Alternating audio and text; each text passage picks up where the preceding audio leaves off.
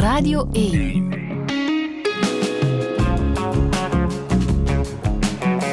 Douche. Met Friede Lesage. Op deze eerste kerstdag blikken we terug op de meest bijzondere gesprekken van het voorbije touché-jaar. Ook in 2022 kwamen zo'n 40 gasten langs om te vertellen wat hen raakt in het leven. Bekende namen, zoals actrice Maaike Kafmeijer en journalist Riyad Bari, maar ook te ontdekken talenten zoals schrijver Ninja Weijers en klimaatadvocaat Roger Cox. Allemaal legden ze hun ziel op tafel, deelden ze hun inspiratiebronnen en brachten ze muziek en verhalen mee. Over de oudste bomen ter wereld, over omgaan met een levensbedreigende ziekte, tot de waarde van familiebanden. Natuurlijk was het moeilijk kiezen, daarom niet alleen vandaag, maar ook volgende zondag een greep uit de meest rake momenten van het afgelopen touchéjaar. Een heel goede morgen. A far l'amore comincia tu. A far l'amore comincia tu.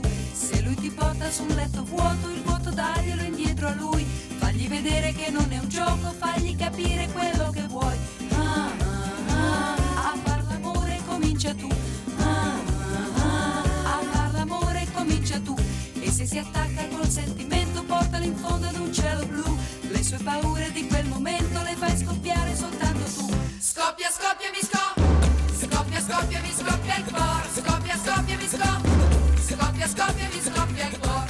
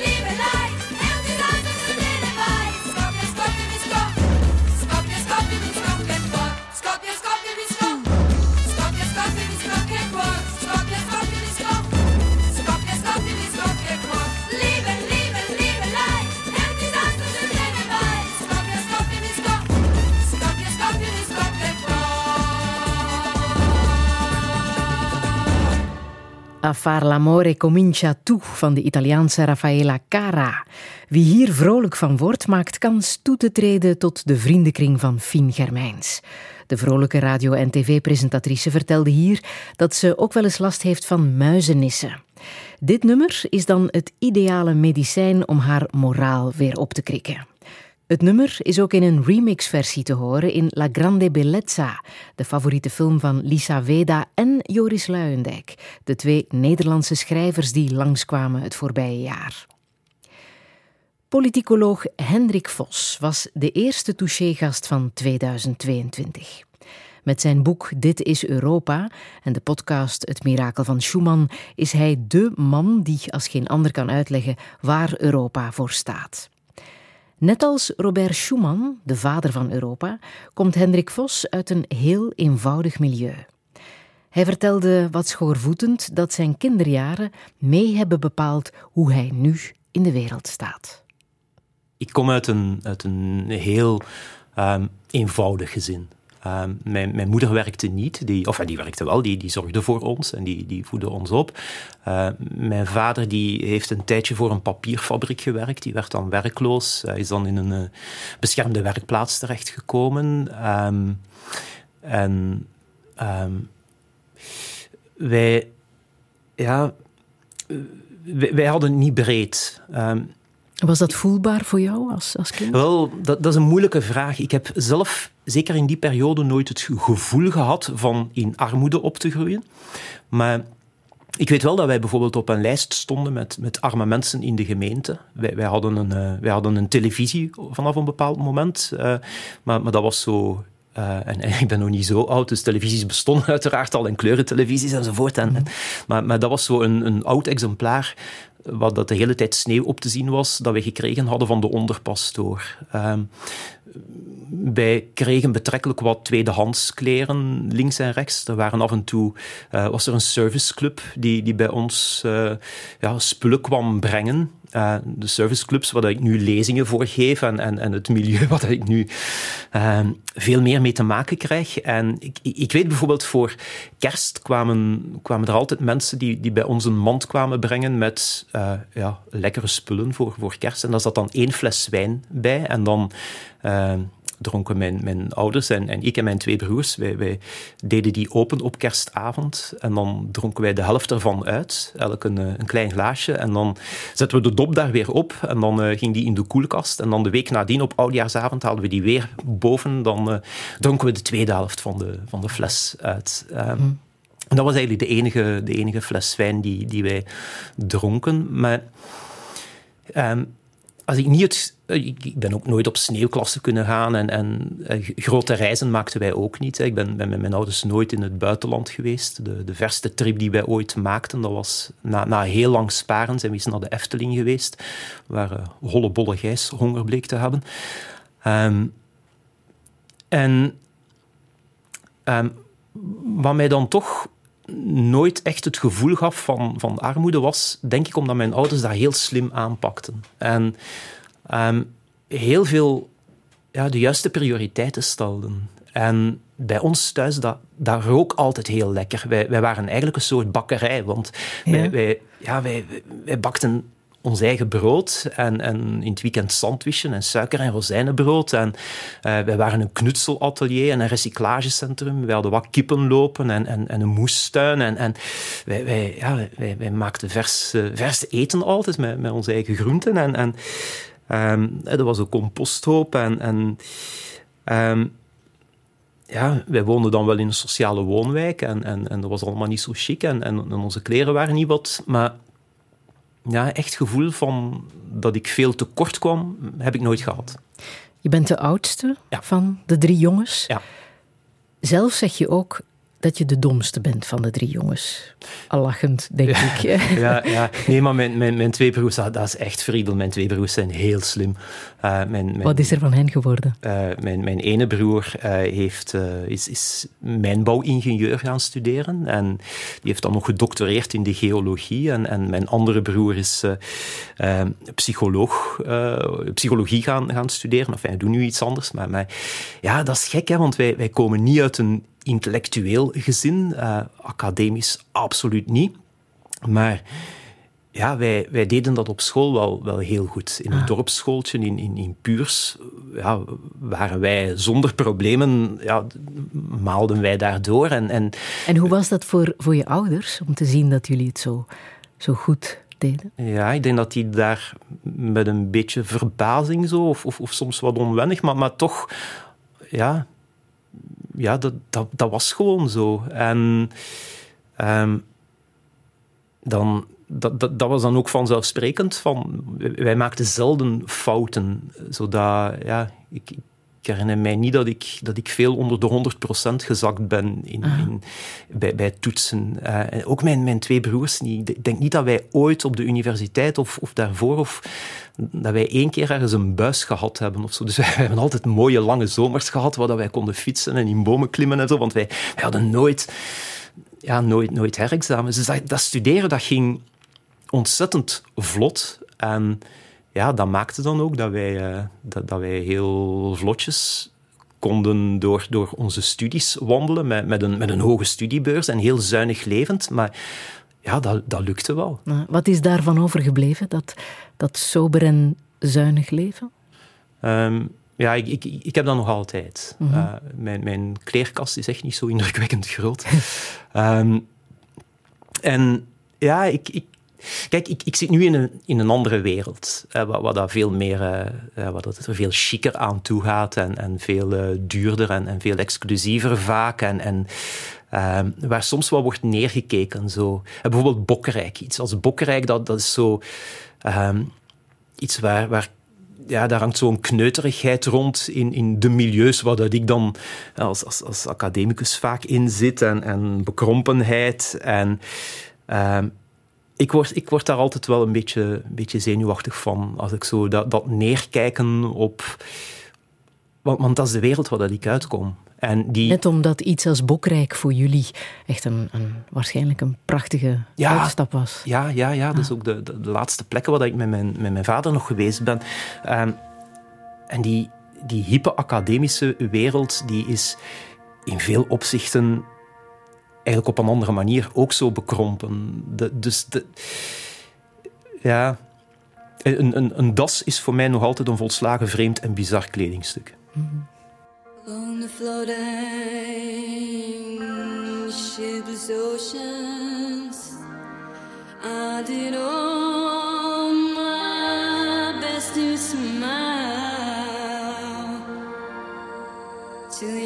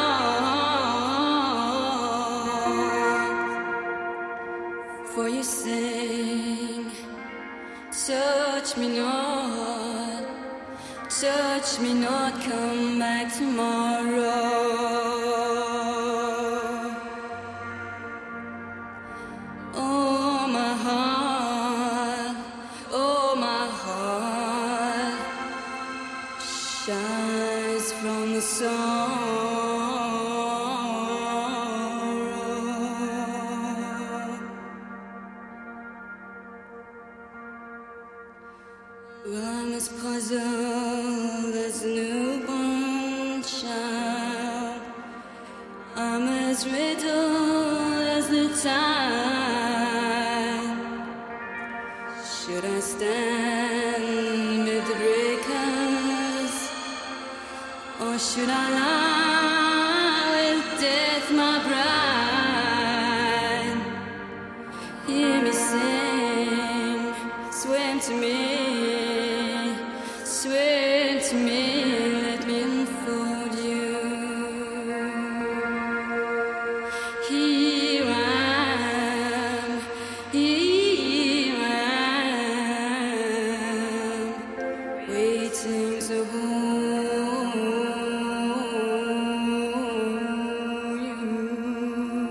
to the Siren van This Mortal Coil.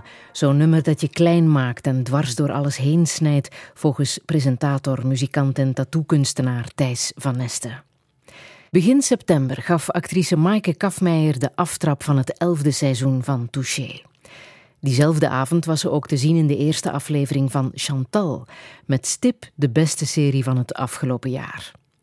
Acteren is het liefste wat ze doet.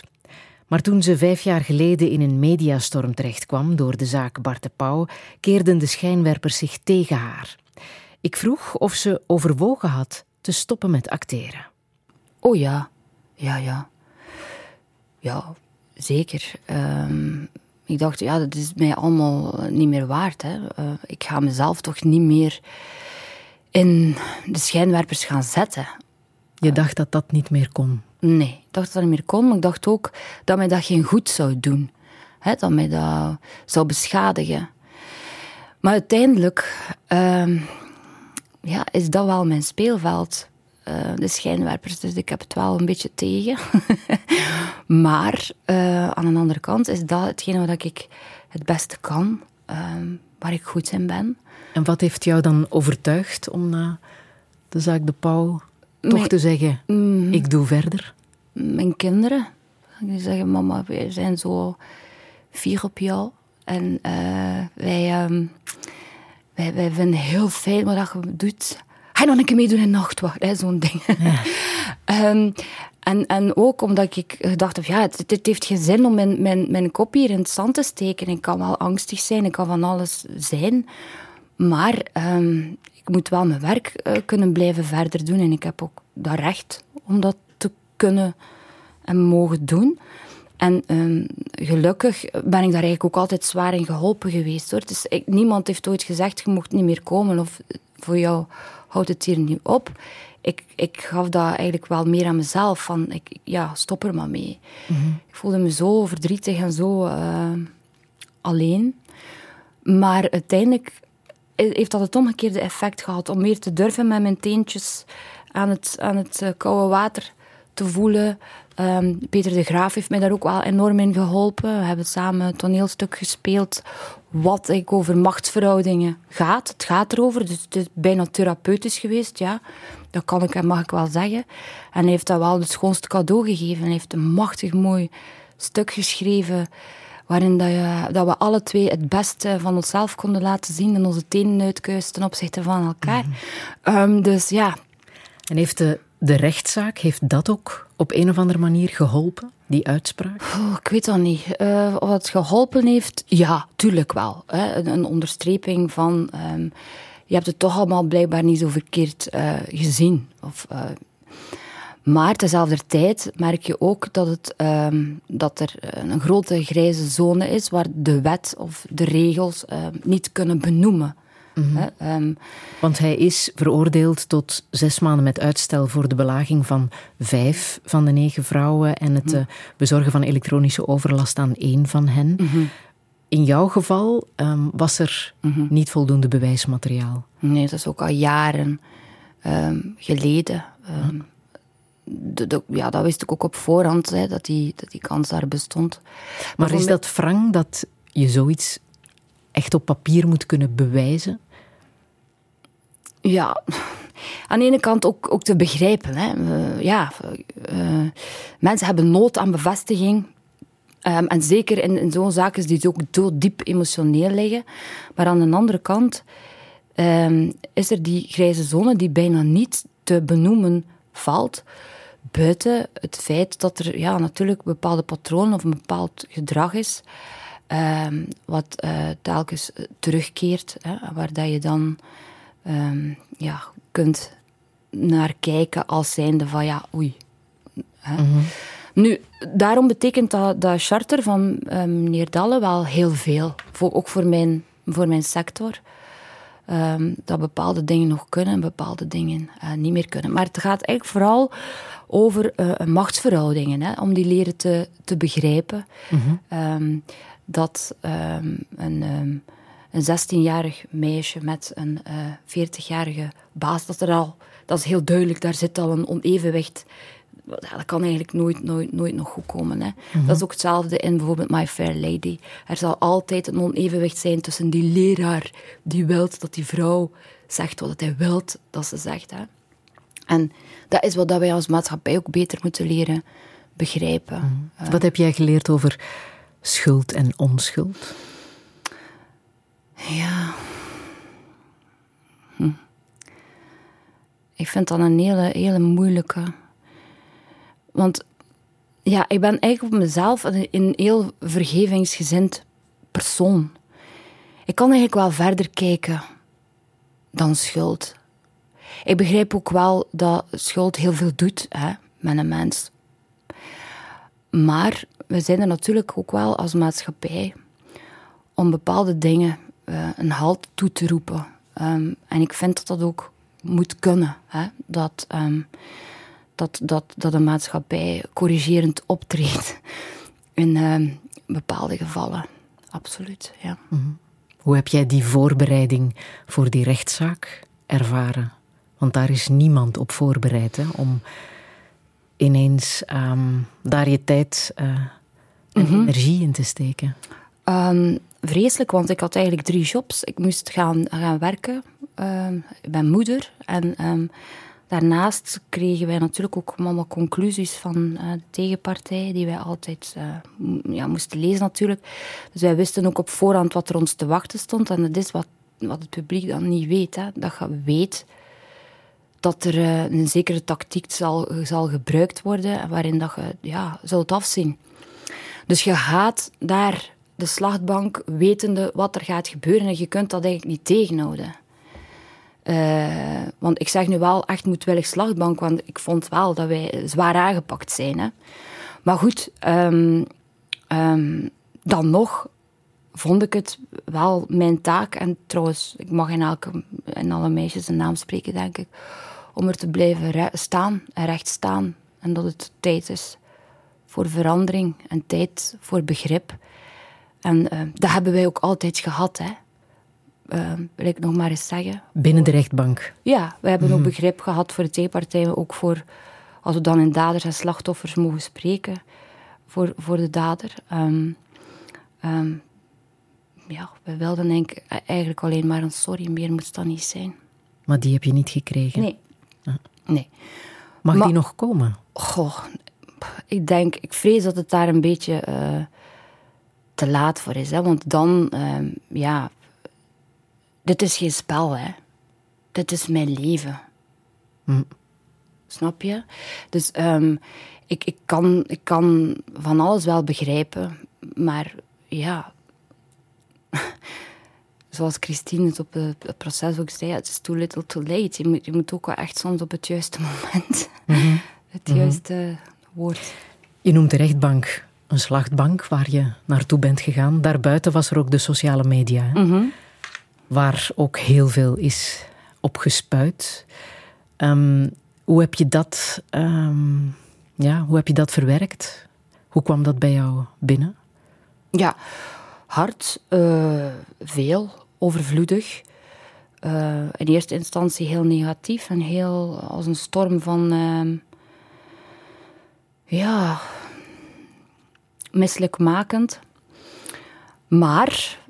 Ja, er waren ook stemmen die heel positief en heel eh, ondersteunend en heel lief waren. Maar vooral, ja, ik, ik heb ook op een bepaald moment ook beslist om dat allemaal niet meer te lezen, omdat dat gewoon je beperkt als, als, als mens. En omdat je daar niet... Ik raakte daar ook niet mee eh, vooruit. Maar hielp het te weten dat ja, het aantal trollen dat jou via sociale media probeert neer te halen, dat die toch in de minderheid zijn tegenover allicht de zwijgende massa Ja. dat jou bewondert om Ja, ja, absoluut. de Tuurlijk. openheid die je Tuurlijk, tuurlijk, gehad. tuurlijk. En als je ook eh, als je naar, naar trollen kijkt, dat je, en je stelt, ik probeerde mij daar dan een voorstelling van te geven en probeerde mij dat zo belachelijk mogelijk voor te stellen. Dat hielp als ik daarmee kon lachen. Maar ik denk dat elke mens wel dat kent. Hè. Als er één negatieve opmerking is, dan gaat het die langer onthouden dan een positieve. Eh, wij zitten nu eenmaal zo, maar, zo in elkaar. Er zijn weinig mensen die anders in elkaar zitten. Dus tegenover één negatieve heb je tien positieve nodig om dat, om dat weer te renderen, zeg maar. Dus dan moest wel heel veel beginnen hè, lezen. Dus ik heb op een bepaald moment beslist... Er zijn mensen die, die, die heel lief voor mij zullen blijven. En er zijn mensen die, ja, die, die, die, die, die mij het licht in de, in de ogen niet meer gunnen. Dat is nu eenmaal zo. Dus, ja. Maar eh, life goes on.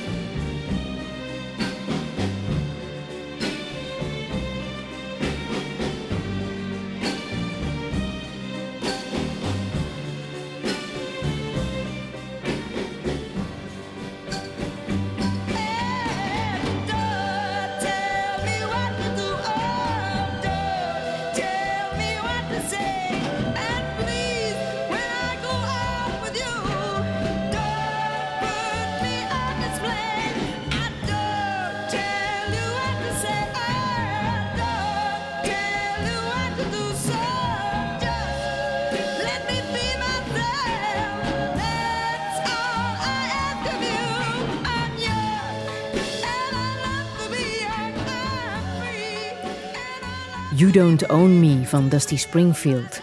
De vrouw die van vrouwen hield, maar door de tijdsgeest gedwongen werd haar lofsongs op te dragen aan een man. Het was uitgerekend filmmaker en muziekjournalist Mark Didde die ons dit verhaal vertelde. Op professioneel vlak was 2022 het gloriejaar van journalist Riyad Bari. Hij kreeg zijn eigen online Actua-programma voor jongeren, hashtag BelRiyad, en mocht ook voor het eerst als anker het journaal presenteren op 1. Riyad woont in Brussel en is de zoon van een Tunesische vader en een Belgische moeder. Ik vroeg hem welke herinnering hij overhield aan zijn jeugdjaren. Ik ben opgegroeid in een context, ja, in een gezin waar warmte en liefde niet centraal stond. Omwille van allerlei redenen. Ik denk, mijn ouders hebben nooit echt een harmonieus huwelijk gehad. Ik zeg, mijn vader was 16 toen hij hier aankwam.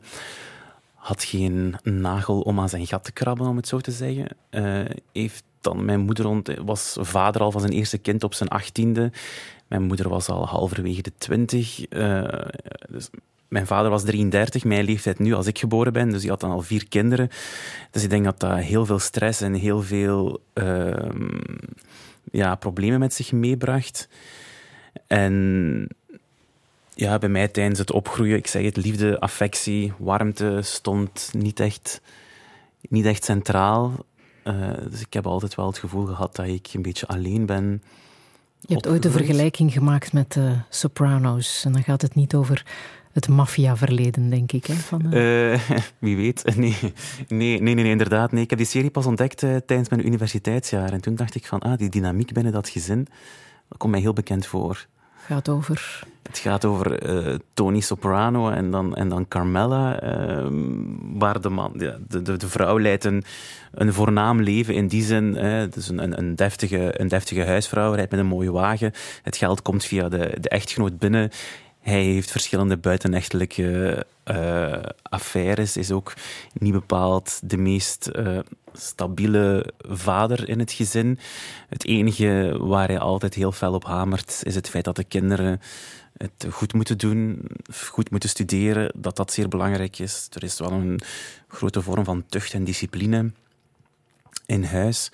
En er waren wel zo dingen die ik wel allemaal fel herkende. ja. maar ook geweld en overspel. Eh, ja, ja.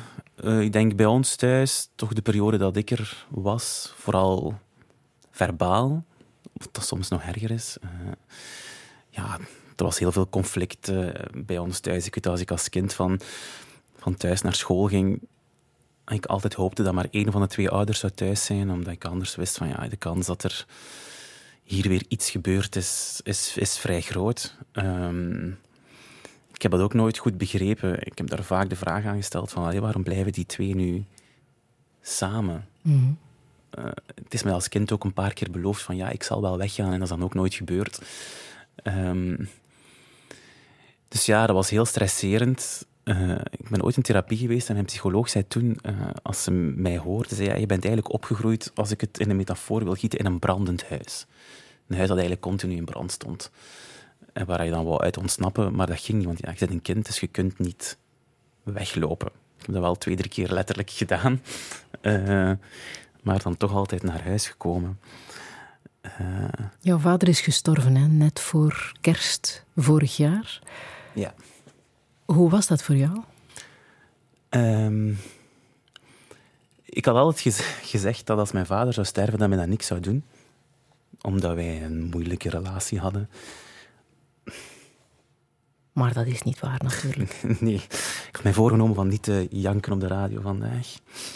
Eh, maar het is, ja, het was een van de meest verschrikkelijke dingen dat ik heb meegemaakt. Ja.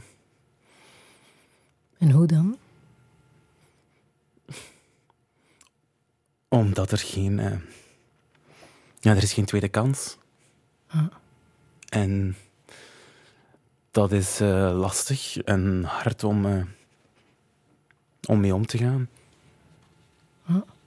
Ik... eh, mijn vader en ik zijn... Ja, onze wegen zijn van elkaar gescheiden. En ik denk, pff, wanneer? Een jaar of misschien een kleine tien jaar geleden of zo. Het moment dat ik besloten heb om uit de kast te komen, wist ik dat dat voor hem, of ik dacht dat dat voor hem eh, om, ja, onaanvaardbaar ging zijn. En toen heb ik zelf het contact verbroken. En hij had dan vrij snel door waarom. En dan zijn we elkaar uit het oog verloren tot het najaar van 2018. Kreeg ik een telefoon van een van mijn zussen. Die zei dat, eh, dat er bepaalde Arabische papieren in orde moesten gebracht worden voor een notaris, omdat mijn vader had leverkanker, was uitgezaaid en hij ging eigenlijk vrij snel komen te overlijden. En toen had ik de keuze bij mezelf van wat doe ik nu met die informatie? Ga ik nog toenadering zoeken, hè, want ja, wie weet is het gedaan, of ga ik koppig zijn en, eh, en niet meer die kans grijpen? Ik heb dan die kans gegrepen, was dan rond kerst, heel cliché. Heel foute Amerikaanse film, zo leek het wel, die scène als ik bij hem thuis kwam. Eh, ik kan dat beeld nooit vergeten. Hij lag in de zetel, denk dat hij nog 40 kilo woog. En dan zijn elkaar wel in de armen gevallen. En dan... Ja, toen zei hij sorry en ik zei ook sorry, ik weet niet waarom. Maar en toen zijn we alle twee beginnen, beginnen huilen. En dan is het heel raar. Dan hebben wij heel intens contact gehad zelfs. Is mijn partner, die, dus mijn, mijn Niels, is dan beginnen meegaan op wekelijkse bezoeken. Mijn vader is uiteindelijk toen niet overleden, wat een mirakel was volgens de artsen. Hij was er altijd beter en beter aan toe. En ook als Niels op bezoek kwam, dat leek allemaal vanzelfsprekend. We werden geknuffeld, dat was allemaal, allemaal doodnormaal. Het was soms zelfs saai, die bezoeken. Namelijk zondag namiddag eten, koffie en in de zetel hangen. Eh, wat dat je dus ja, doet als je bij je ouders op bezoek gaat.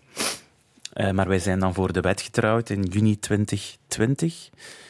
En dan kreeg ik na dat huwelijk toch de boodschap via mijn moeder dat dat toch weer toch iets te moeilijk was voor hem. En toen had ik iets van, ja, weet je, je kunt mij één keer de deur wijzen, maar geen twee keer. En toen had ik iets van, ja, Niels was ook heel boos, omdat hij had, ja, we hebben hier nu anderhalf jaar geïnvesteerd en we waren zo welkom en nu plots niet meer. En dan afgelopen zomer, ja, ik ben getrouwd in Frankrijk en op de laatste dag van dat huwelijk heeft hij een hersenbloeding gekregen. Hij was er natuurlijk niet bij, Eh, maar hij is toen in coma gegaan en hij is niet meer wakker geworden. Tot dus in, ja, dan overleden nu in december. Welk gevoel hou je daar nu aan over? Ehm, wel, de eerste periode was lastig, omdat ik heel kwaad was, omdat ik geen afscheid heb kunnen nemen. En daar heeft mijn familie een fout gemaakt en het mij niet laten weten dat het zijn laatste dagen waren en dat er geen kans meer was dat hij zou wakker worden. Eh, ik ben een paar keer naar het ziekenhuis geweest toen hij in coma lag, maar ja, bon, je hebt daar niet veel aan. Hè. Dat is iemand die in coma ligt, dus had ik gezegd van ja, laat mij weten als er drastische wijzigingen zijn, positief of negatief. Dat is dus niet gebeurd. Het eerstvolgende dat ik hoorde was een sms. Uh, goedenavond, om, het is om je te melden dat je vader overleden is. Dus dat ga ik niet snel vergeten. Ehm, dus dat was voor mij heel, heel lastig. En een van de weinige voordelen dan, denk ik, van in de media te werken, is dat als je daar iets over post, dat dat dan wordt opgepikt door kranten. En dat er dan mensen zijn die je spontaan beginnen te contacteren.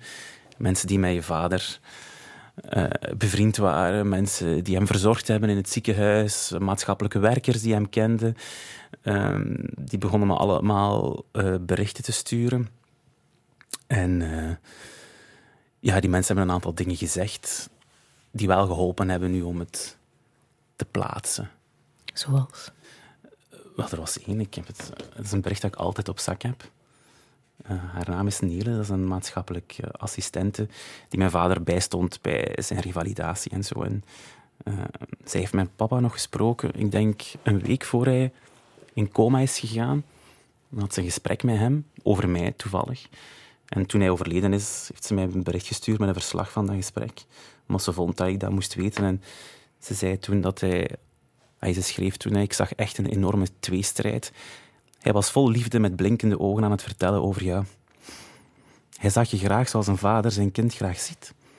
Hij sprak ook over hoe moeilijk het was tussen jullie, over de breuk, het herstel hiervan en dan de nieuwe breuk.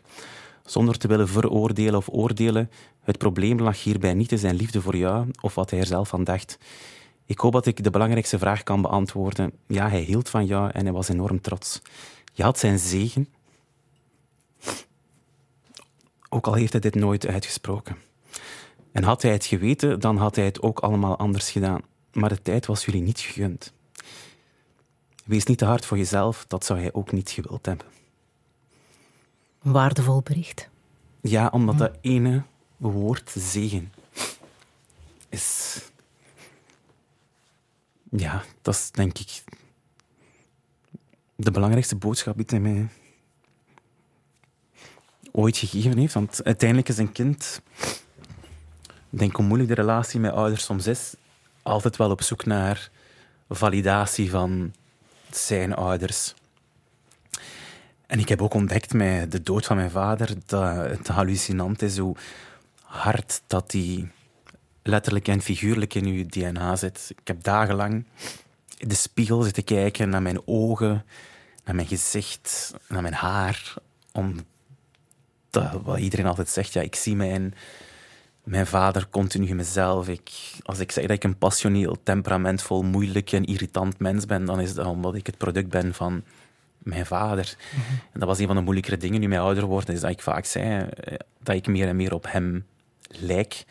En dat was altijd confronterend, omdat die relatie zo, zo moeilijk was. En het enige dat ik ooit wou, was dat hij zei dat het oké was. En hij heeft dat nooit letterlijk... We hebben nooit gesproken over het feit dat ik op jongens val. Nooit.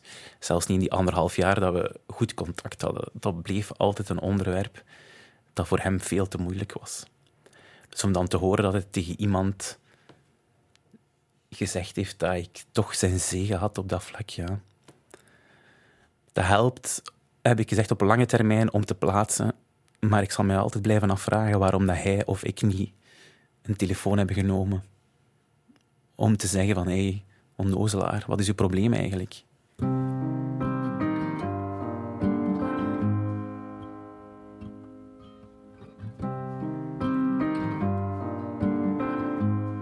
It takes a lot to know a man.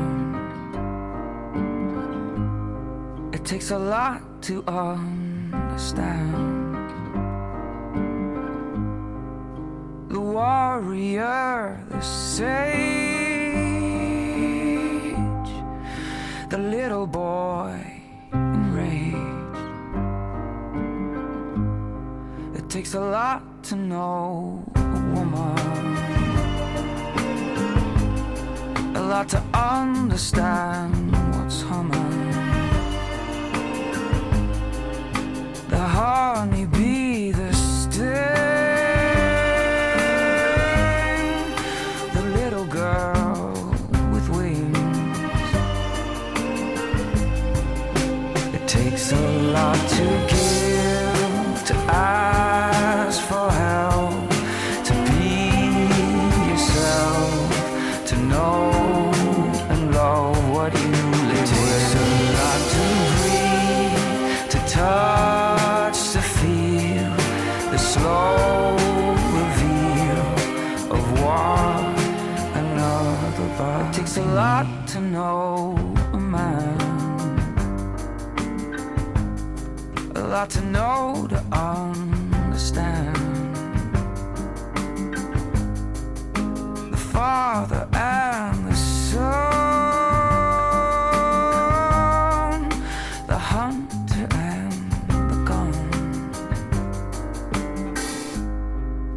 takes a lot to know a woman, a lot to comprehend what's coming. The mother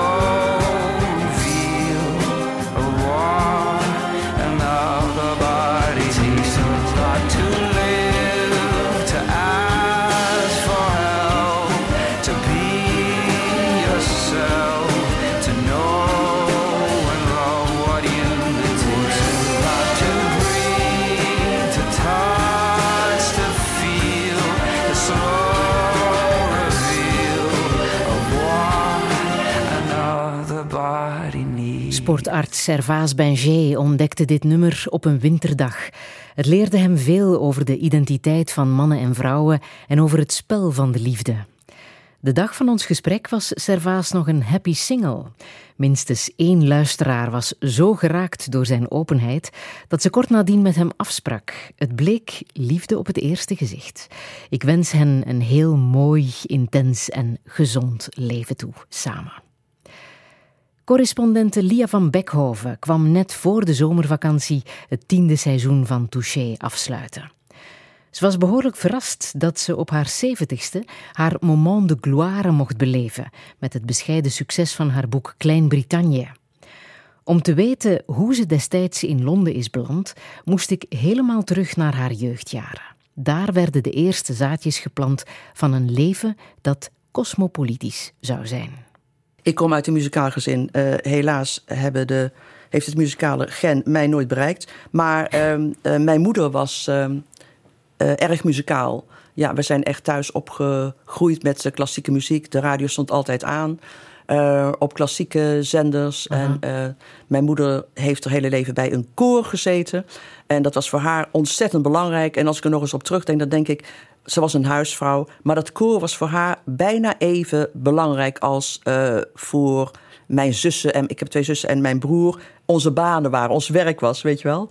Dat was echt, eh, als ze dan s'avonds naar het koor gingen op dinsdagavond, was dat het hoogtepunt van, eh, van haar week. En het was klassiek, koormuziek. En dat zong ze. En vroeger thuis speelde ze piano. En mijn zussen hebben ook veel, met meer succes dan ik, allerlei instrumenten gespeeld. En hebben op koren gezeten en zo.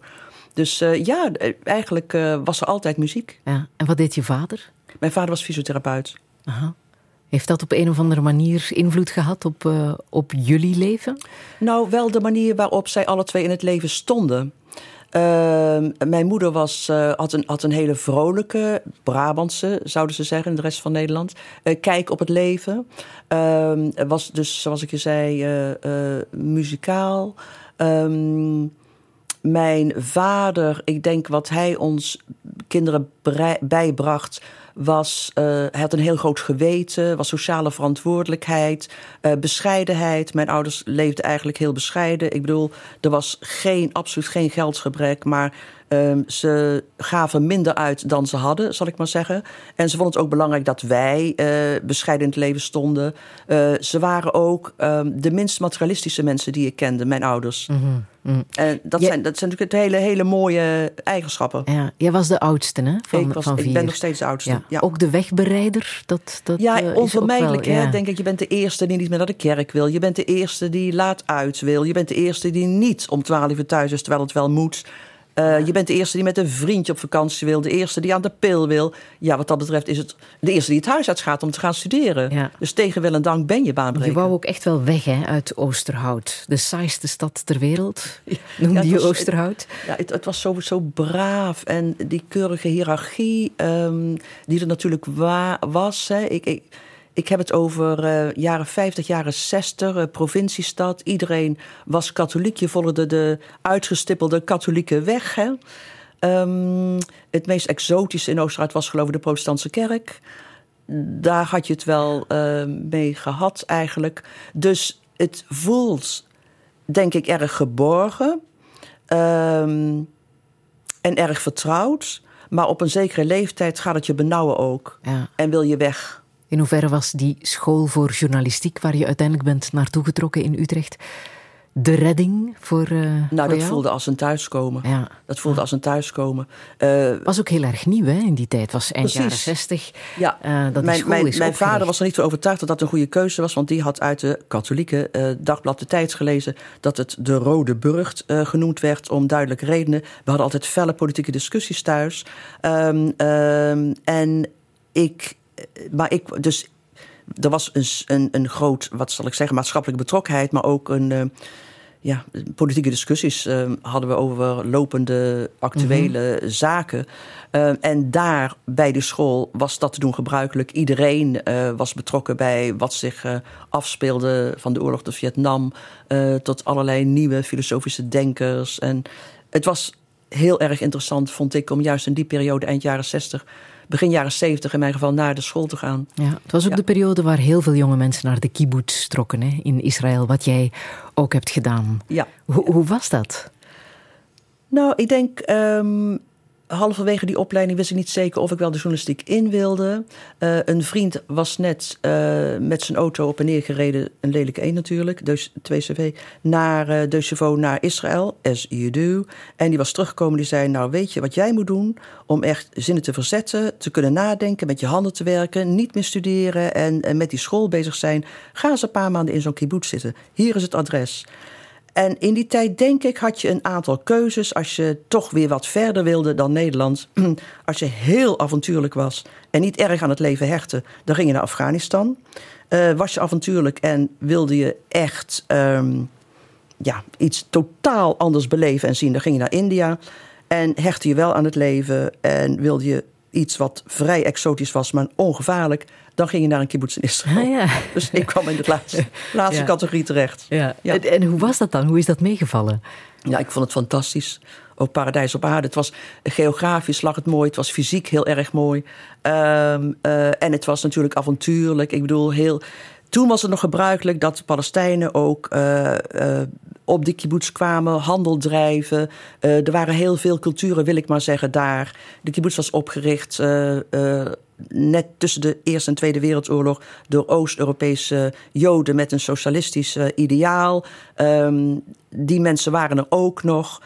Ja, dan had je ook dat hele idealistische systeem van het gezamenlijk uh, iets doen. Gelijkschakeling van de lonen, maar ook van de werkzaamheden. De ene keer werkt je op, uh, bij de koeien, zal ik maar zeggen. De andere uh, zes maanden was je alleen maar met, zat je alleen maar op de tractor met, in het meloenenveld. Zes maanden daarna dan kon je in een winkel geplaatst worden van de kibbutz... of moest je in de keuken werken, begrijp je?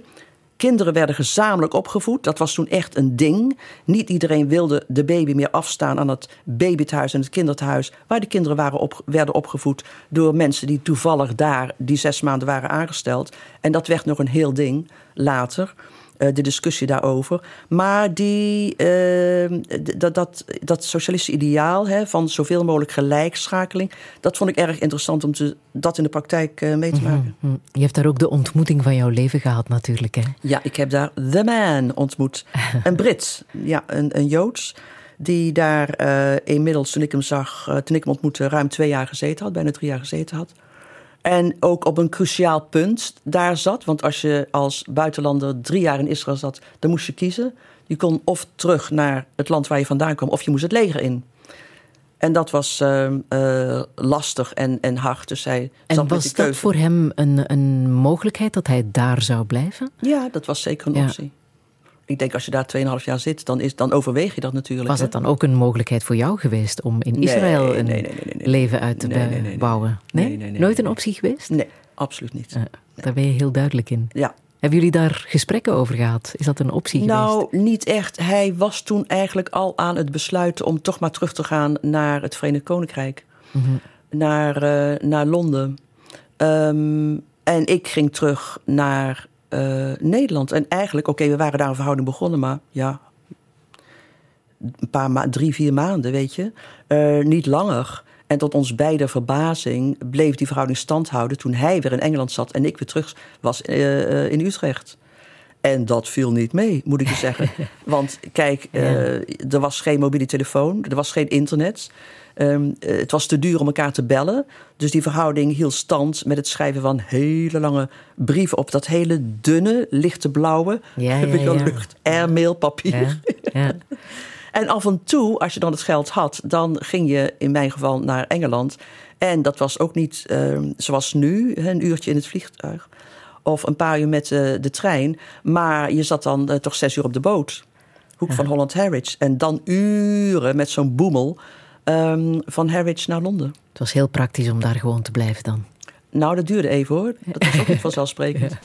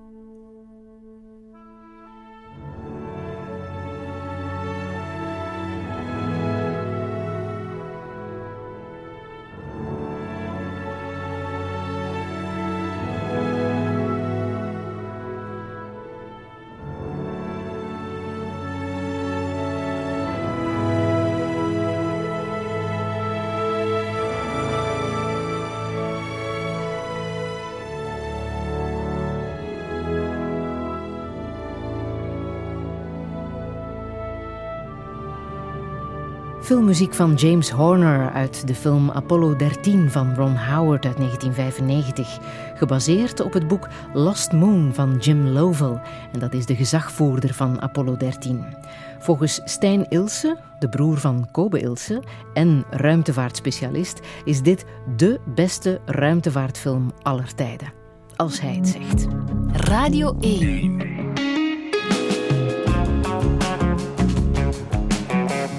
Douche. Met Friede Lesage. Touché, met de meest bijzondere momenten van het afgelopen touchéjaar 2022. Een bewogen jaar. Er was de oorlog in Oekraïne, waar correspondent Bruno Beekman en schrijver Lisa Weda over kwamen getuigen. Er was het moedige verhaal van Paralympiër Gitte Hane. We vierden het leven met acteur Jos de Pauw en namen afscheid van dichter Stijn de Papa. En er was de muziek als medicijn, als herinnering of als wijze levensles. Dit nummer bijvoorbeeld is het mantra van chef-kok Seppe Nobles. Samen met talentvolle vluchtelingen runt hij het restaurant Instroom in de haven van Antwerpen. Hij leert ze daar niet alleen koken, maar ook Nederlands, met de hulp van Wiltura. Een goede middag. Ik wou dat ik mijn vleugels spreiden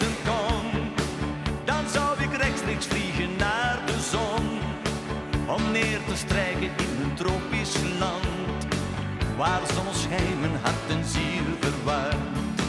Ik wou dat ik mijn vleugels uit kon slaan. En zweven kon boven de oceaan. Want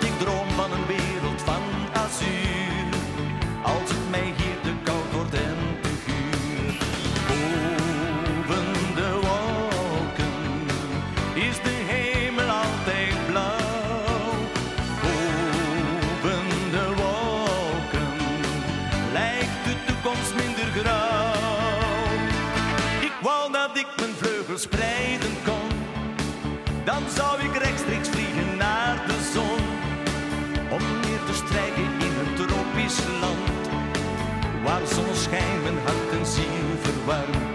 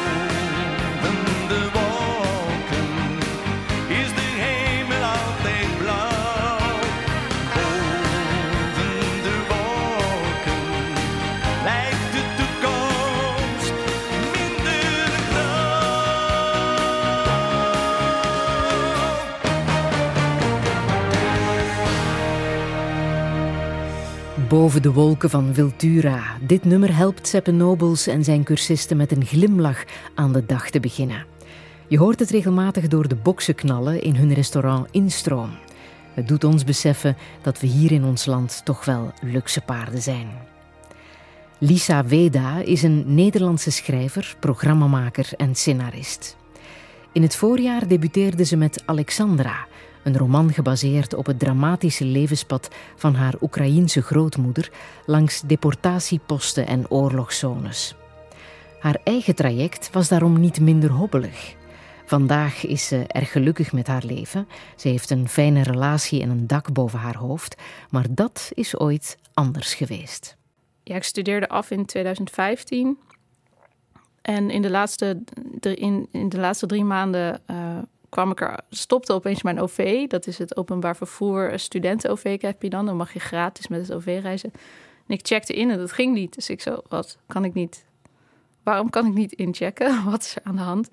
Mijn OV liep af. Ik had langer gestudeerd. Ik heb acht jaar gestudeerd. Eh, ik had opeens geen studiefinanciering meer. Eh, ik had altijd wel baantjes, maar niet super veel spaargeld. Want collegegeld is heel duur in Nederland, tenminste relatief duur. Je betaalt zo'n 2000 euro per, per jaar. Eh, de huren in, Nederland zijn vrij hoog voor studenten. Dus ik zat ineens in een soort van parket van... oh mijn god, ik krijg geen studiefinanciering meer. Ik ben aan het afstuderen. Eh, wat moet ik doen? Toen heb ik mijn, eh, mijn kamer opgezegd. Ik, het enige wat ik... ik had een heel mooie kamer midden in Utrecht. Een heel mooie zolderkamer. Ik heb alleen mijn bed meegenomen en mijn schrijfbureau. Dat is een oud, houten, lelijk, verschrikkelijk schrijfbureau... met een verfvlek erop. En mijn benen passen net tussen het laadje... en eh, aan de rechterkant en aan de linkerkant de tafelpoot. De rest heb ik allemaal weggegeven aan een vrouw die eh, in een soort blijf van mijn lijfhuis daar net uit was. Die heeft allemaal spullen meegenomen en overgenomen. Toen had ik drie maanden geen huis, want ik had geen geld, ik had niet genoeg. Dus je was dakloos. Ik was dakloos, ja. Hoe heb je dat gedaan? Ja, mijn moeder zei kom maar terug naar huis. Toen dacht ik nee, dat ga ik niet doen. Ehm, ja, dat vond, ik, dat vond ik geen goed idee. Dus ik heb toen bij vrienden gewoond. Ik heb om de, om de maand ergens anders, eh, ben, heb ik ergens anders verbleven. Dat was heel intens. Ik had alleen eh, dus dat bed bij me. En dat broodje stond daar dan een beetje knullig naast. En ik lag eh, bij twee hele goede vrienden van mij in een, eh, ja, in een soort storagekamer. Waar ze nog niet helemaal klaar waren. Er stond ook nog een, een deur tegen de muur. Die nog ergens in een van de. ergens in het, in het huis in een, eh, in een deurkozijn moest worden geplaatst. Die deur is een keer op me gevallen toen ik aan het slapen was. En ik ben bij een andere vriend, eh, ook in Utrecht, heb ik ook een tijdje gewoond. En dan betaalde ik een beetje huur. Ik werkte 32 uur in de week. Dus ik had meteen een veel grotere baan erbij gezocht met meer uren. En tegelijkertijd probeerde ik af te studeren, wat natuurlijk helemaal niet ging. Dat sloeg helemaal nergens op, dat was veel te druk. Maar toch heel confronterend, denk ik. Hè? Wat heb je daaruit geleerd, uit, uit die periode? Ja, dat je eigenlijk, eh, dat klinkt natuurlijk zo, oh, ik heb een prachtige les geleerd, maar was wel zo. Je kunt, ik kan overal werken, ik kan overal schrijven, ik kan overal eh, werk maken. En het fijne aan schrijver zijn is dat je niet meer nodig hebt dan een laptop natuurlijk. En eh, mensen zijn er voor je, dat is denk ik mooi. En omgekeerd zou ik eh, altijd hetzelfde doen. Dat vond ik een mooie les. En ja, wat is het? Ja, jeetje, wat een goede vraag dat ik klaar ben om te werken voor alles wat ik, eh, wat ik wil krijgen eigenlijk. Ja, dat klinkt een beetje... Dat hard werken ook niet altijd alles geeft wat je, wat je nodig hebt. Blijkbaar. Want je was hard aan het werken voor jouw studies. Ja, heel hard. En het gekke is natuurlijk dat ik in de kunsten werk. En eh, het stigma eh, over een kunstenaar is dat je in de grote eh, dingen ligt te maken. Nou, in dat geval, in die drie maanden, was dat zeker zo. Ik lag er helemaal uit en ik had niet genoeg geld en het ging helemaal niet goed. Maar ik ben nu. Ik heb de, de jaren daarna bedoel ik, heb ik super hard gewerkt, zeven dagen per week, om voor een gemiddelde kunstenaarsfee. Want als je jong bent en je bent schrijver, je gaat optreden, dan zegt iemand: Wil je komen optreden voor 150 euro? Terwijl je maakt vaak werk maandenlang. En 150 euro voor een dag, dat is eigenlijk heel weinig. Ehm, zeker omdat je ook nog belasting moet betalen. Ik ben ondernemer. Eh, dit is allemaal, zo, allemaal van dat zakelijke gedoe. Ik was echt bezig met zorgen van in ieder geval 2000 euro per maand bij elkaar te sprokkelen. Om, eh, ik had inmiddels een huis gevonden. Ik deelde de huur met een vriend. Eh, maar je hebt ook nog zorgkosten, weet ik veel, al dat soort dingen. Dus ik was heel erg aan het zoeken en super veel aan het werk. Zeven dagen in de week om te zorgen dat ik een normaal, of in ieder geval leefbaar loon... waarbij ik ook nog wat kon sparen voor elkaar te krijgen. Maar dat, ja, dat trekt wel een wissel op je leven. Want je bent echt, ik was echt alleen maar bezig met werk. En tegelijkertijd kreeg ik daardoor een soort van, ja, erg millennial, maar een burn-out. Ik was moe, ik had paniekaanvallen, ik sliep slecht. Eh, maar kon niet stoppen. Want ik heb geen, als, als ZZP'er in de kunsten, je kunt in een broodfonds, dat is een soort verzekeringsfonds waar allerlei kunstenaars dan in zitten. En die leveren elke maand wat in en dan dek je elkaar eigenlijk. Dus als je dan ziek wordt, kun je een bepaalde periode eruit zijn. En dan eh, heb je bijvoorbeeld iets van 1700 euro per maand wat je dan krijgt. Maar ik zat daar nog niet in. Dus ik was bezig, omdat ik dat niet kon betalen. Het was te duur om eh, bij te Mhm. dragen aan een broodfonds. Maar mensen blijven raar kijken hè? als een kunstenaar zegt: Ja, ik wil hier ook wel geld mee verdienen. Als Ja. een kunstenaar zijn, eh, zijn werk wat zakelijk aanpakt, wat jij heel erg doet, ook nu met het boek en terecht natuurlijk, dat je je afvraagt: en hoeveel verdient dat? Hoeveel brengt dat op? Ja, ik vind het heel. eh, ja, wat ik vooral merkte toen de pandemie eigenlijk begon, is dat heel veel kunstenaars in paniek raakten. Want een groot deel van de verdiensten van een kunstenaar, zeker als je kijkt naar muzikanten, maar ook naar schrijvers zoals ik, of bijvoorbeeld een vriend van mij, Joost Ome, die heel veel optreedt, dat is je inkomsten. Je moet het niet hebben van een boek. Eh, Even voor de luisteraar, dit boek kost 23, eh, 23 euro. Ik krijg 10% hiervan. Dat is geen reet. Dat is 2,30 euro. Dan moet je al heel veel boeken Dan moet je verkopen heel om veel. Ervan te kunnen leven. En je hebt acht jaar aan dat boek gewerkt. Precies, dus reken, maar uit. Dat is niet te doen. En sommige mensen denken bijvoorbeeld dat ik in dienst ben bij de uitgeverij. Niet. Nee, dat is allemaal niet zo. Dus je bent zo erg aan het zoeken naar hoe je geld kan verdienen om tijd mee te kopen, om vervolgens in die tijd kunst te maken waar je hopelijk iets mee verdient, waarmee je daarna weer je volgende project kan financieren. En dat is echt een soort taboe om over te praten. Ik kwam bij, bij vrienden toen mijn boek uitkwam, die ook schrijver zijn, om te vragen hoeveel exemplaren heb je nou verkocht? Wat is normaal? Niemand wilde me iets vertellen. Toen ben ik naar de uitgeverij gegaan en heb ik gezegd: jongens, hoe, hoeveel, een goed debuut, hoeveel verkoopt dat nou? Dan gingen ze dan een beetje zo, nou, nou ja, we willen je niet bang maken, maar een goed debuut verkoopt 2000 exemplaren. Nou, reken de 2000 keer 2,30 euro.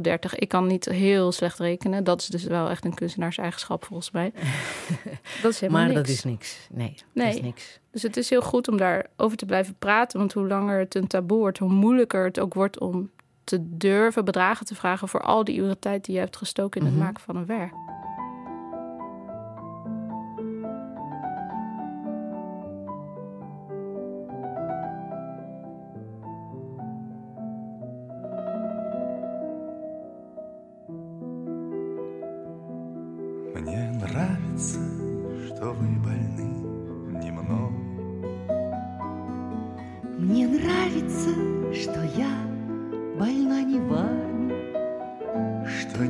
Никогда тяжелый шар земной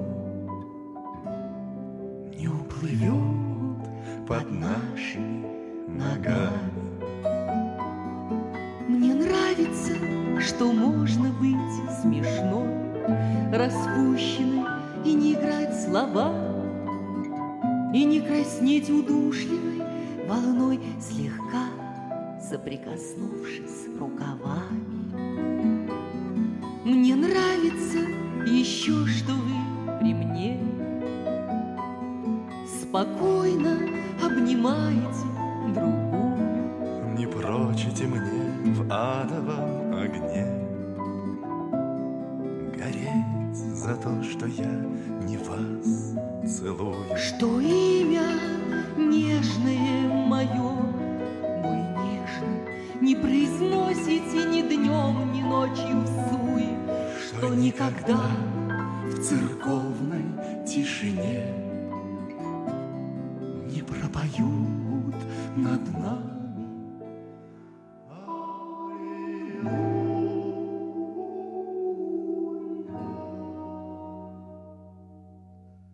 Спасибо вам И сердцем рукой за то, что вы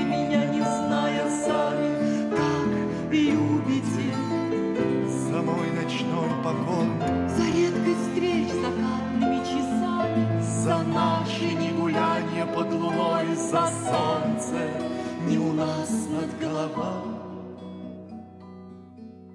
За то, что вы, за то, что вы, увы, увы, больны не мной. за то, что я больна,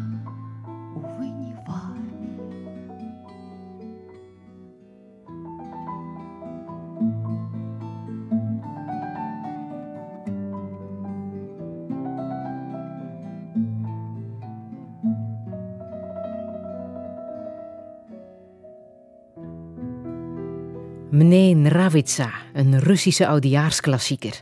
Het was journalist Bruno Beekman die dit nummer liet horen in Touché. Hij kwam toen rechtstreeks uit Oekraïne, waar de oorlog net een aantal weken aan de gang was. Het lied deed hem terugdenken aan de vele gelukkige jaren die hij in Rusland had doorgebracht. Half maart kwam acteur Jos de Pauw zijn 70ste verjaardag vieren. Met zijn muzikale theatervoorstelling Rhapsody vierde hij tegelijk zijn halve eeuw op de planken. Een man die zowel bij het publiek als bij zijn collega's veel appreciatie krijgt. Hij kwam, netjes gekapt en geschoren, een camouflagetechniek om zijn haperende lijf te verbergen. Dat, dat lijf is aan het haperen geslagen. En Ja, daaraan merk je dat je ouder wordt? ja, ik geloof het. Enfin, in, mijn geval is dat zeker zo. En ik probeer er, eh, ik, ik probeer er eh, de humor van in te zien. Ik probeer er mee te lachen. Want het is soms te belachelijk voor woorden. Wat, eh, ja, omvallen in de badkamer, dat is echt iets wat wel eens gebeurt. Omdat je iets doet wat je vroeger altijd deed, maar wat nu niet meer... Die stabiliteit, stabiliteit is weg.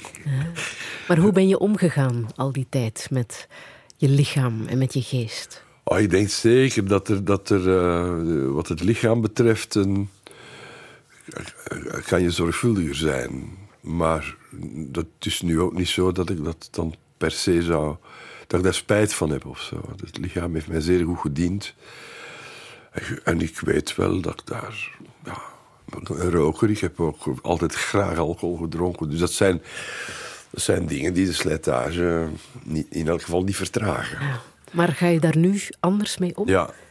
ja. Op welke manier dan? matiger. Het, eh, het moet, maar het, het lichaam zegt het ook zelf gewoon. Hè. Het, eh, schreeuwt het luid genoeg uit af en toe, zodanig dat je, dat je het niet vergeet. En ik vind dat ook oké hoor. Ik, eh, het- op een of andere manier denk ik ook, ja, er, zijn, er is een leeftijd en die stelt zo op bepaalde momenten haar eisen. En dat, ik heb daar geloof ik ook wel vrede mee dat dat zo is. Ik ben daar niet in verzet tegen. Ah, je hebt Dat het is- nooit helemaal uit je leven geschrapt, de genotsmiddelen. Nee, dat zou ik ook niet willen. Ik bedoel, dat,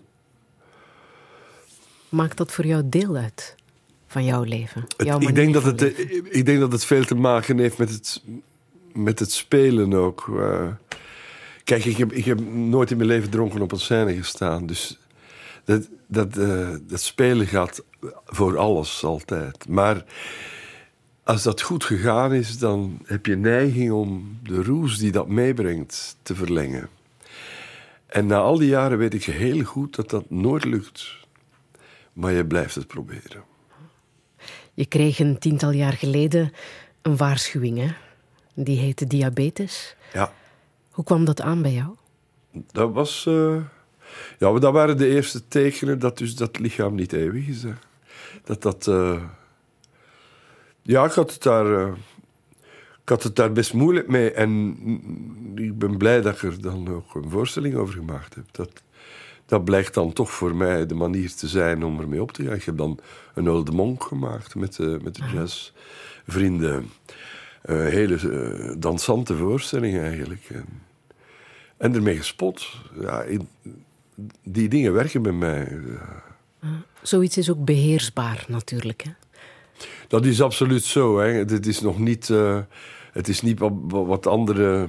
bedoel, het is niet het hart of zo. Het is een, als je dat een beetje goed doet, dan kan je daar 120 mee worden. Hè. Dat gaan we proberen. Ja. Ben je daarmee bezig? Met wat? Met, Met zo lang mogelijk ja. te proberen Oh ja. Als te het, leven? als, het, als het comfortabel blijft. Als het, oh ja, dan heel graag. Ja, ik leef wel graag hoor. Ja. En wat doe je dan om dat leven zo lang mogelijk optimaal te houden? Op welke manier heb je je levensstijl dan aangepast? Ja, dat, dat is dan een moeilijkere. dat is dan weer veel moeilijker, ja. Nee, het, is- het, het- ik denk dat bij mij... Ik, eh, mijn moeder heeft hele goede genen. Ik hoop dat ik die van haar allemaal cadeau gekregen heb. En, eh, Ja, want er zijn mensen rondom jou die slechter nieuws hebben Ja, gekregen. hè? ja, jammer genoeg, ja. Ja.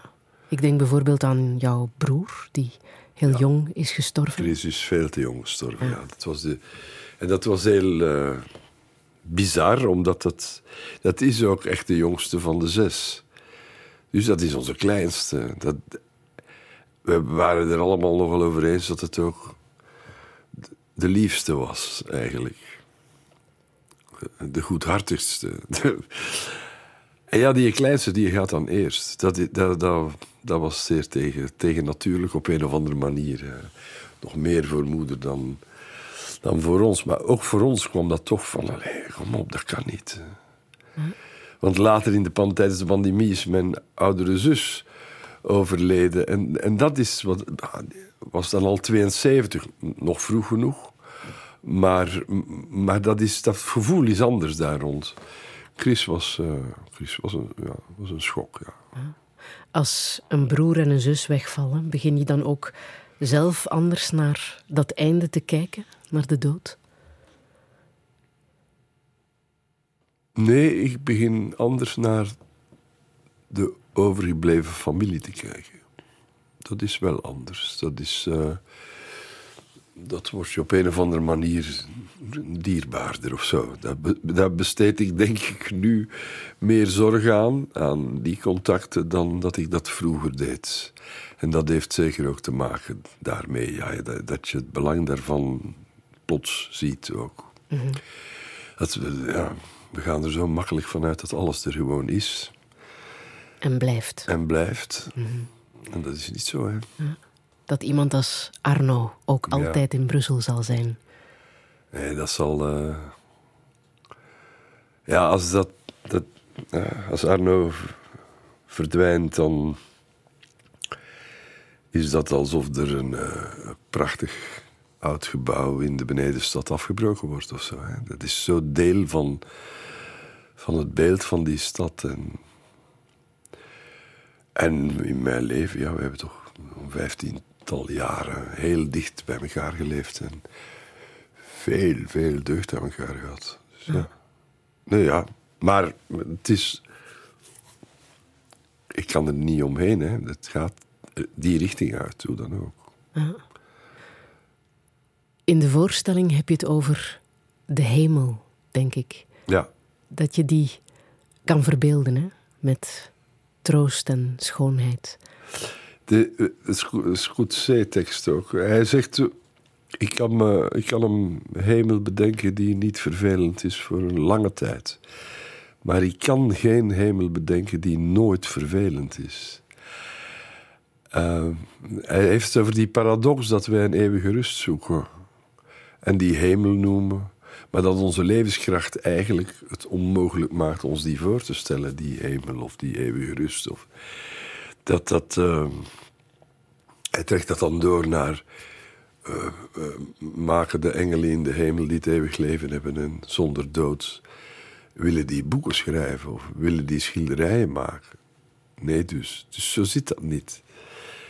In die zin is alles wat we doen een soort van ja, een vitaliteit die deel uitmaakt van dat leven. En ik denk een verlangen om te blijven leven in, bij velen. Helpt het voor jou dat je iets als een hemel kan verbeelden, dat er iets zou kunnen zijn na de dood? Nee.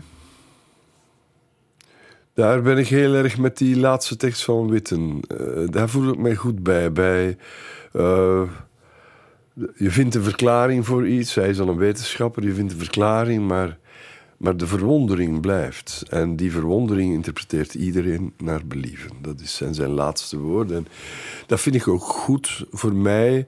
Ik verwonder mij enorm over de wereld en wat dit allemaal is. En er is heel veel wat we niet begrijpen. Maar ik ben niet noodzakelijk op zoek naar ehm, dat, er, dat het nog zou verder gaan en zo. Dat we zien. Maakt mij eigenlijk op dit moment niet uit. Ik ben heel erg met leven nu bezig. Ah, niet bang dat er jou... Ja, dat wil je graag worden. niet zijn, maar dat weet je dus niet. Hè. We- we weten echt niet hoe we op het einde reageren. Wat er, hoe het dan in dat hoofd het liefst eh, enigszins sereen. Ja, eh, of heel plots, boem weg, dat mag ook. Als het maar niet te veel pijn doet allemaal, daar ben ik niet goed in.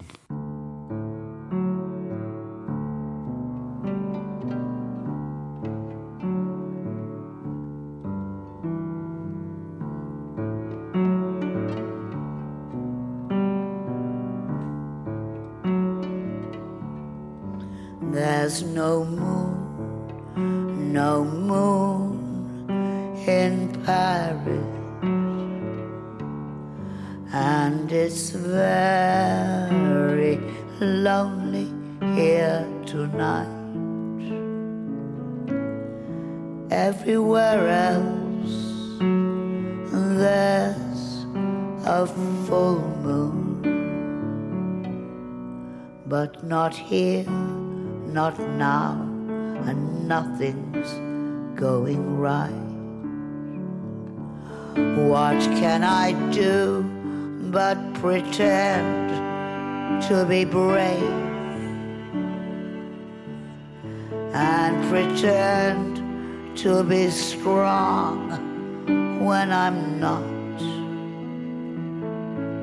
There's no moon no moon in Paris tonight. And it's lonely, and that's all I got. No moon, no moon in Paris. And it's very lonely here tonight. When I think of all the moons that shone for us so distantly, all through the full moon night. It always made me gasp, gasp with love to see. But that was when I still loved you and you loved me. There's no moon, no moon in Paris tonight. And it's lonely, and that's all I got. Everything passes, everything changes. There's no way to stay the same. As below, then so above. The only thing that stays the same is love. No Moon in Paris. Het was vlinderexpert Hans van Dijk die dit nummer liet horen onder de indruk van de mooi ouder wordende Marion Faithfull. Op de World Para-Athletics Grand Prix in Zwitserland begin juni werd Paralympiër Gitte Hane eerste in het verspringen. Een paar dagen later kwam ze in Touché vertellen hoe ze twaalf jaar geleden geblesseerd raakte bij het thai-boksen en hoe ze na vele operaties besliste om haar been te laten amputeren. Het hield haar niet tegen om met een blade de ene medaille na de andere binnen te halen. Een maand na ons gesprek dwong een dubbele hernia haar te stoppen als Paralympiër. De zoveelste tegenslag in haar leven. In Touché verklaarde ze haar levensmotto. When life punches you, punch back harder. soms gebeuren er dingen in het leven dat je geen controle over hebt. Of dat je wou dat dat niet zou gebeuren en, en, en die heel zwaar zijn. En eh, ja, dan heb je de keuze om ofwel in je bed te blijven liggen en niks niet meer te doen, of te proberen focussen op wat dat er wel nog kan en, en wat er wel nog is. En ook de personen rondom u. En, en dat probeer ik altijd wel te doen. En ja, dat gaat ook met ups en downs. En de, de ene dag ehm, lukt dat beter dan de andere. Maar ja, probeer er altijd ja, da- daarover te geraken en, en, en te kijken naar, naar allez, zo de, de vrienden dat ik heb en dat dat belangrijk is. En, en ook andere zaken dat ik meemaak in het leven die dan mooi zijn. En, en ik hou ook van uitdagingen. Dat idee zit ook in, in de tekst die je hebt meegebracht. Hè? Een tekst van eh, Frans de Wilde. De Krekel heet het. Ja, ja, ja. Wil je het eens lezen? Ja.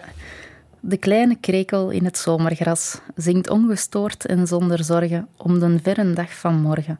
Ik wilde dat ik was als de kleine krekel in het zomergras.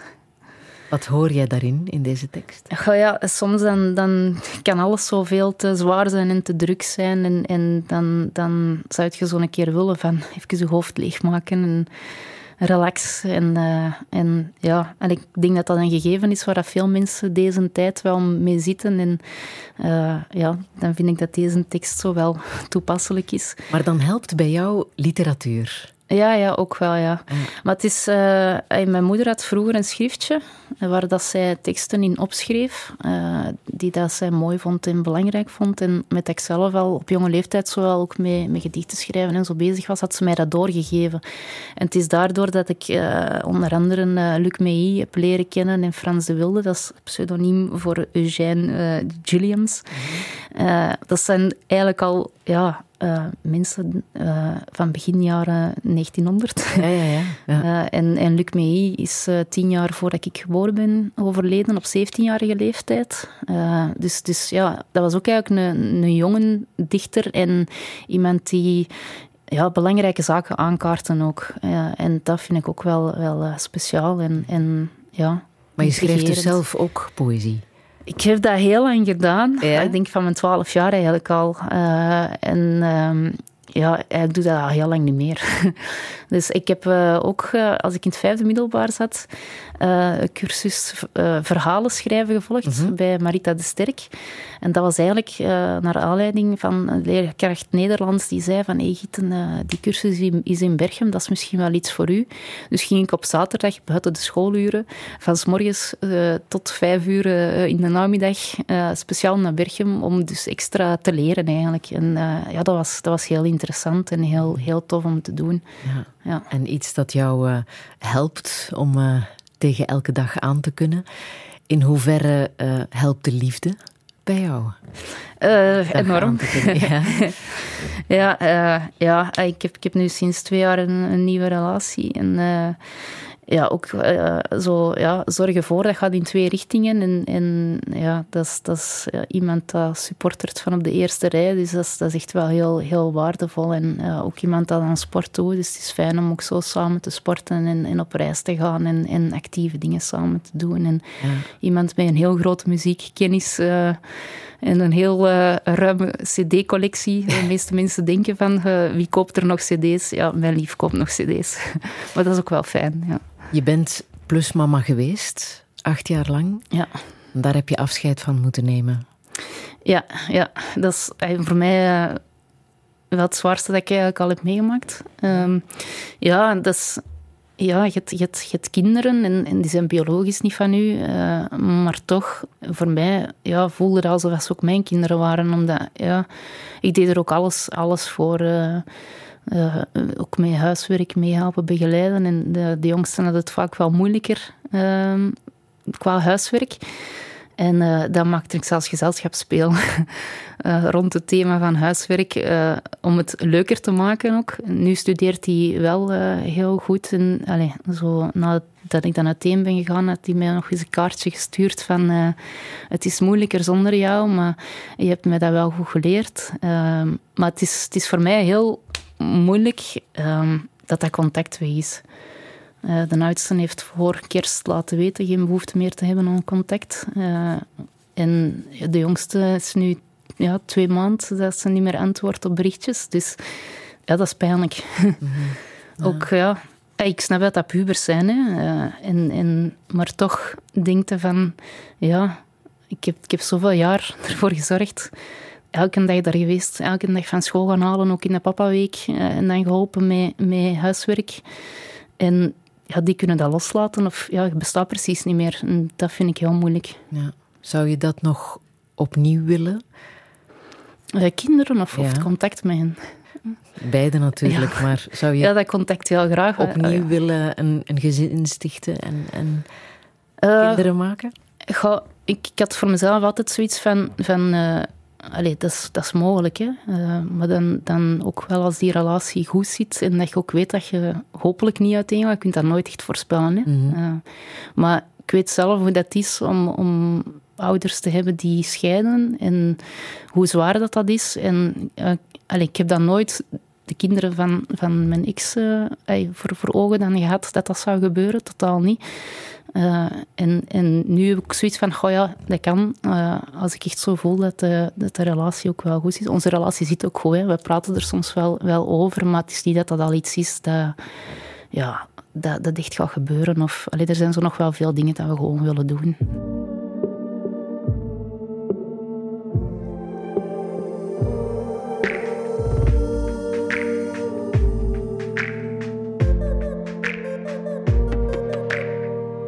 Zit een steentje in mijn schoen, maar ik zit er al gewend aan. Het daardoor dat ik te en dat ik besta. Ik ben er, want ik zie het in de spiegel van het raam. Ik ben er, want ik spreek de zesde taal. Au revoir. Er zat een wimper in mijn oog en een vlieg in mijn mond. Het was daardoor dat ik te voel aan dat ik bestond. Ik rookte sigaretten met de pintjes dat ik dronk. Want als ik dan ga sterven, doe ik het liever ongezond. Haha.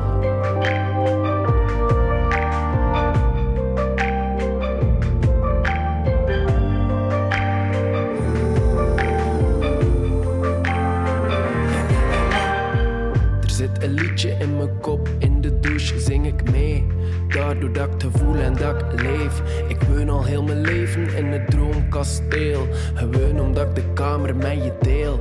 En het zijn er veel. Er zit een mug op de muur en ik kreeg hem niet geklopt. Het is toch weer het typisch, want ik moet morgen vroeg op. Je weet wat dat ze zeggen over toeval en het lot.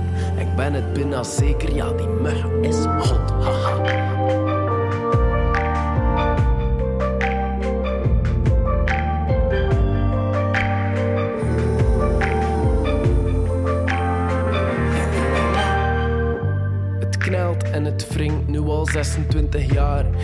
Is al heel mijn leven dat ik het steentje meedraag. Er zijn zo van die dingen die gebeuren, hebben duur. Stel je het ook niet meer in vraag. Ik voelde pas dat ik leefde door te spelen met de vlam. Maar van te veel te leven, ja, daar raak je op gebrand. Dus vertrekken we op reis naar een tropisch warm land. En een foto als bewijs om te posten via Instagram. Haha.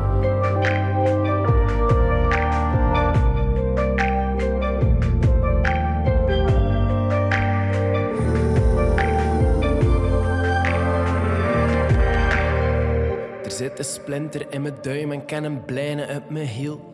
Kun je dan een pilletje voor schrijven, alsjeblieft? En ook voor mijn verdriet is er niks dat je kunt doen.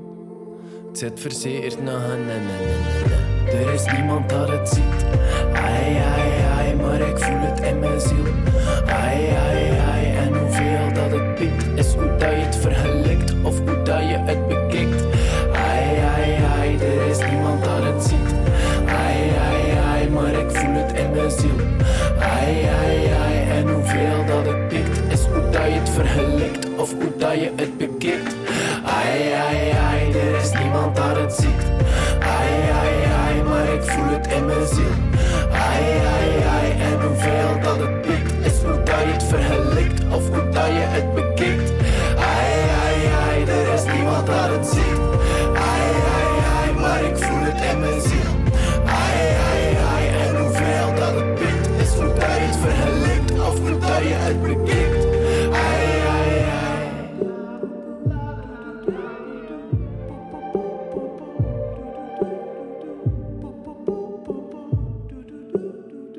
Zit verzekers nog een steentje in mijn schoen. Haha. Brihang, advocaat Jan Leijzen, heeft al 59 jaar een steentje in zijn schoen.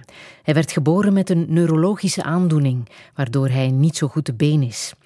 Als kind was hij het mikpunt van spot, maar het steentje maakte hem ook weerbaar.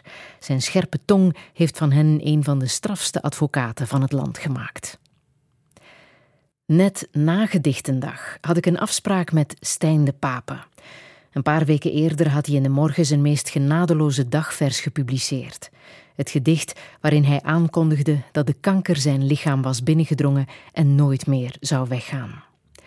Heel uitzonderlijk organiseerden we een radiolijn bij hem thuis, zodat hij vanuit zijn meest makkelijke zetel en omringd door zijn geliefde zijn mooiste antwoorden kon formuleren. Nauwelijks vier weken later, op Palindroomdag 22 februari 2022, eindigde zijn leven. Veel te jong, veel te vroeg. Tijdens ons gesprek hadden we het over zijn literaire held, Jeroen Brouwers. Ik vroeg hem hoe hij zijn werk destijds had leren kennen. Ja, het is denk ik begonnen met Zonsopgangen boven zee. Dat is een van zijn vroegere romans, jaren zeventig.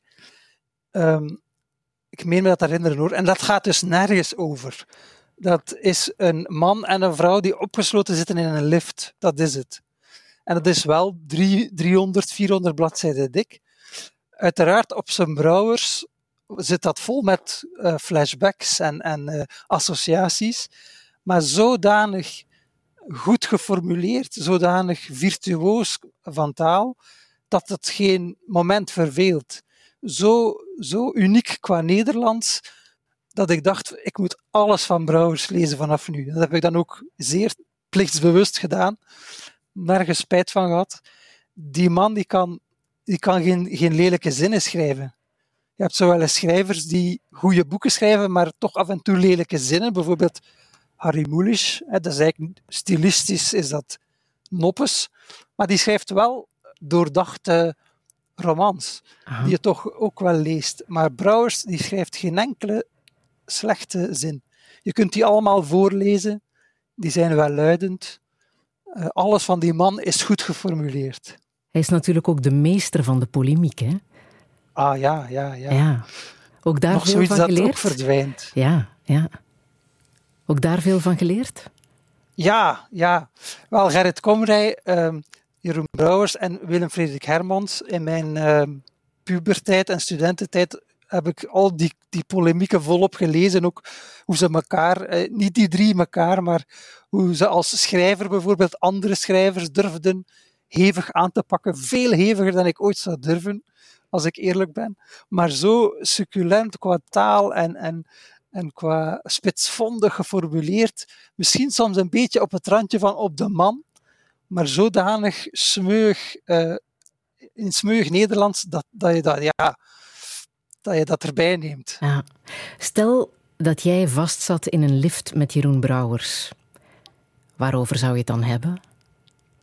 Oh, ik zou natuurlijk eerst een half uur eh, blozen en zwijgen en niks durven zeggen van overdonderdheid.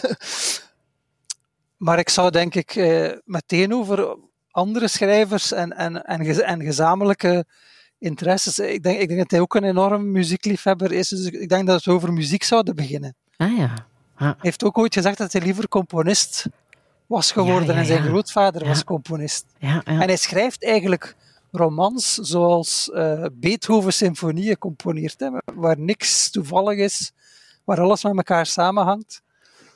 Dus het zou over muziek gaan al, al snel, denk ik. Ja. Stijn, ik heb ehm, afgelopen week een eh, berichtje gestuurd naar Jeroen Brouwers. Om te laten weten dat jij vandaag te gast zou zijn in Touché. En hij heeft mij gisteren geantwoord. Zal ik het even voorlezen? Oh ja, hoe? Het is voor jou. Beste Stijn de Papa. Dagelijks bij het ontbijtbeschuitje met rode jam lees ik je gedicht op pagina 2 van de morgen. In technische zin, dat is nu eenmaal het eerste waar ik als literair geperverteerde op let, is je verskunst superieur perfect. Doorgaans twee of drie kwatrijnen met secuur gekozen woorden en inventieve rijmen. Altijd in een kloppend ritme van lettergrepen en klemtonen. En het geheel melodieus en muzikaal van zegging. Dat is één. In de tweede, allereerste plaats wens ik te worden gefrappeerd door de mededeling, de boodschap, de frappe of de grap van het lied. Die weet je dikwijls op luchtig filosofische toon ironisch te verklanken. Nooit chagrijnig, nooit dogmatisch belerend. Je staat me toe erom te glimlachen. Zo weet je me met je vaardig gecomponeerde dagvers op te monteren in de grijze ochtend. Ik vergeet erbij van mijn beschuit te happen, die tijdens mijn concentratie scheef in mijn hand komt te hangen, waardoor je poëzie onder klodders rode jam bedekt raakt. Met plakkerige vingers, waarmee ik de jam uit je woordcreatie heb opgedept, reik ik je mijn hand, waarde Stijn. Al hebben we elkaar nooit in persona ontmoet. Hier is mijn bewondering en sympathie voor je. En ik gun en wens je nog louter welbehagen. Jeroen Brouwers. Oh. Het is voor jou. En Oh, alleen maar- voor jou, Stijn. Je moest, je moest mij zien nu. Ik ben helemaal... eh, ik zit te zweten, ik heb kippenvel en ik zie rood, denk ik. Daar ben ik niet goed van. Het originele manuscript, want hij heeft het natuurlijk met de hand geschreven, van dit bericht is naar jou onderweg. Met de, Oh, met de post. Jij wou toch alles hebben, hè? Jij wou toch alles hebben, hè? Van alles Ja, ja, nu heb ik alles van Brouwers. Ja, je hebt al zijn boeken al, maar dit had je nog niet. dank je wel.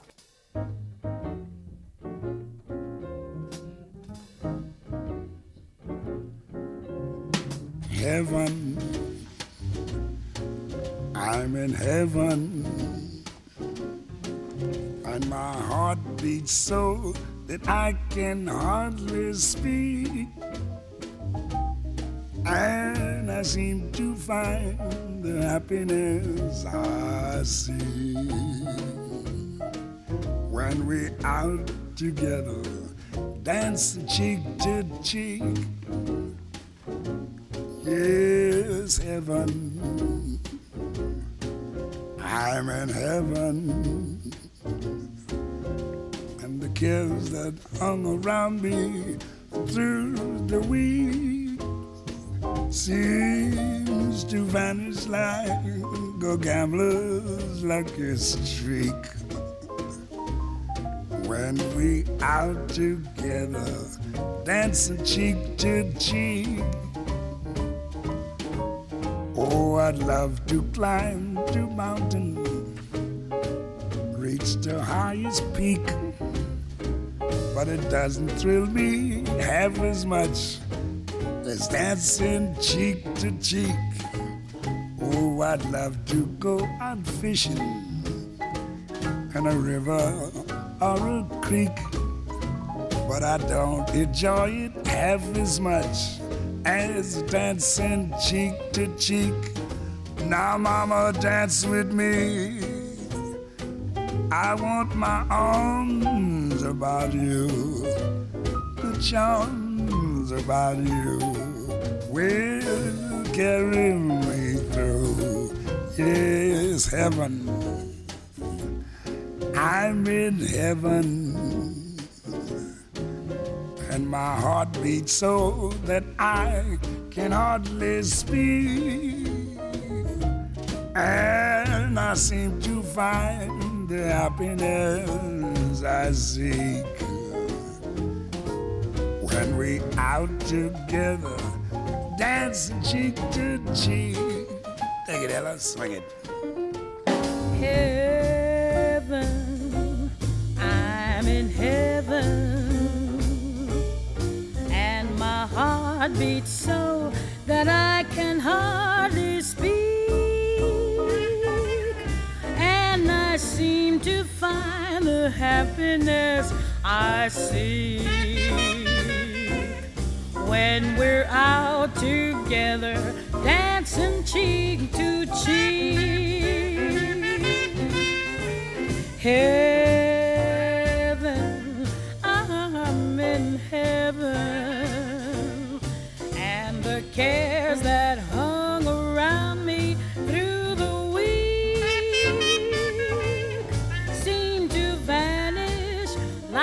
gambler's lucky streak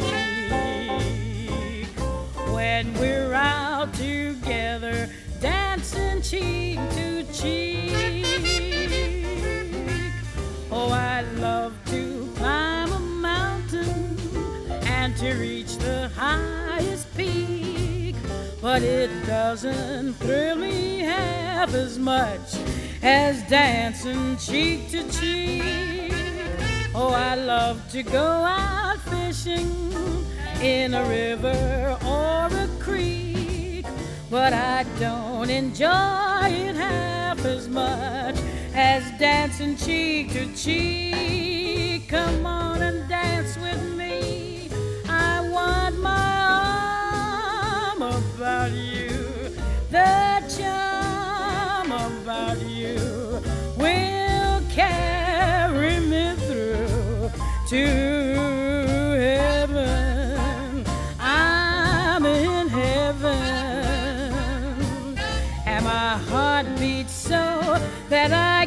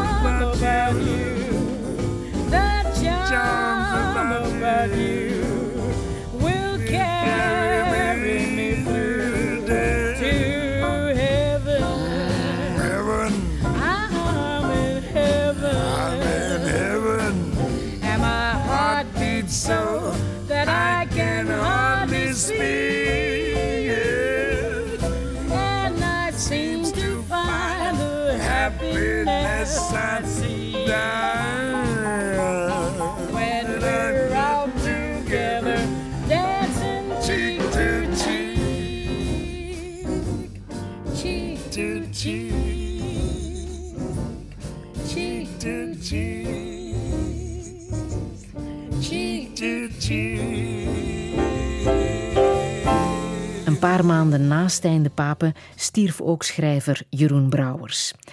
Ik stel me voor dat de twee ondertussen beste vrienden zijn geworden, dat ze zich kostelijk amuseren samen en dat ze elk vanuit hun makkelijke zetel hebben gecheckt hoeveel mensen zo net een geliefde hebben vastgepakt en cheek to cheek hebben gedanst op de heerlijke tonen van Ella Fitzgerald en Louis Armstrong.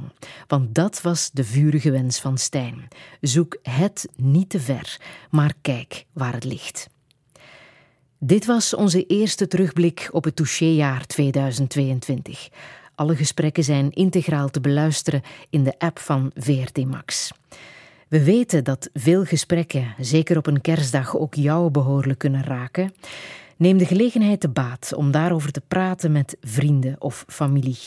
En als die niet beschikbaar zijn, weet dan dat je ook terecht kan bij teleonthaal op het nummer 106.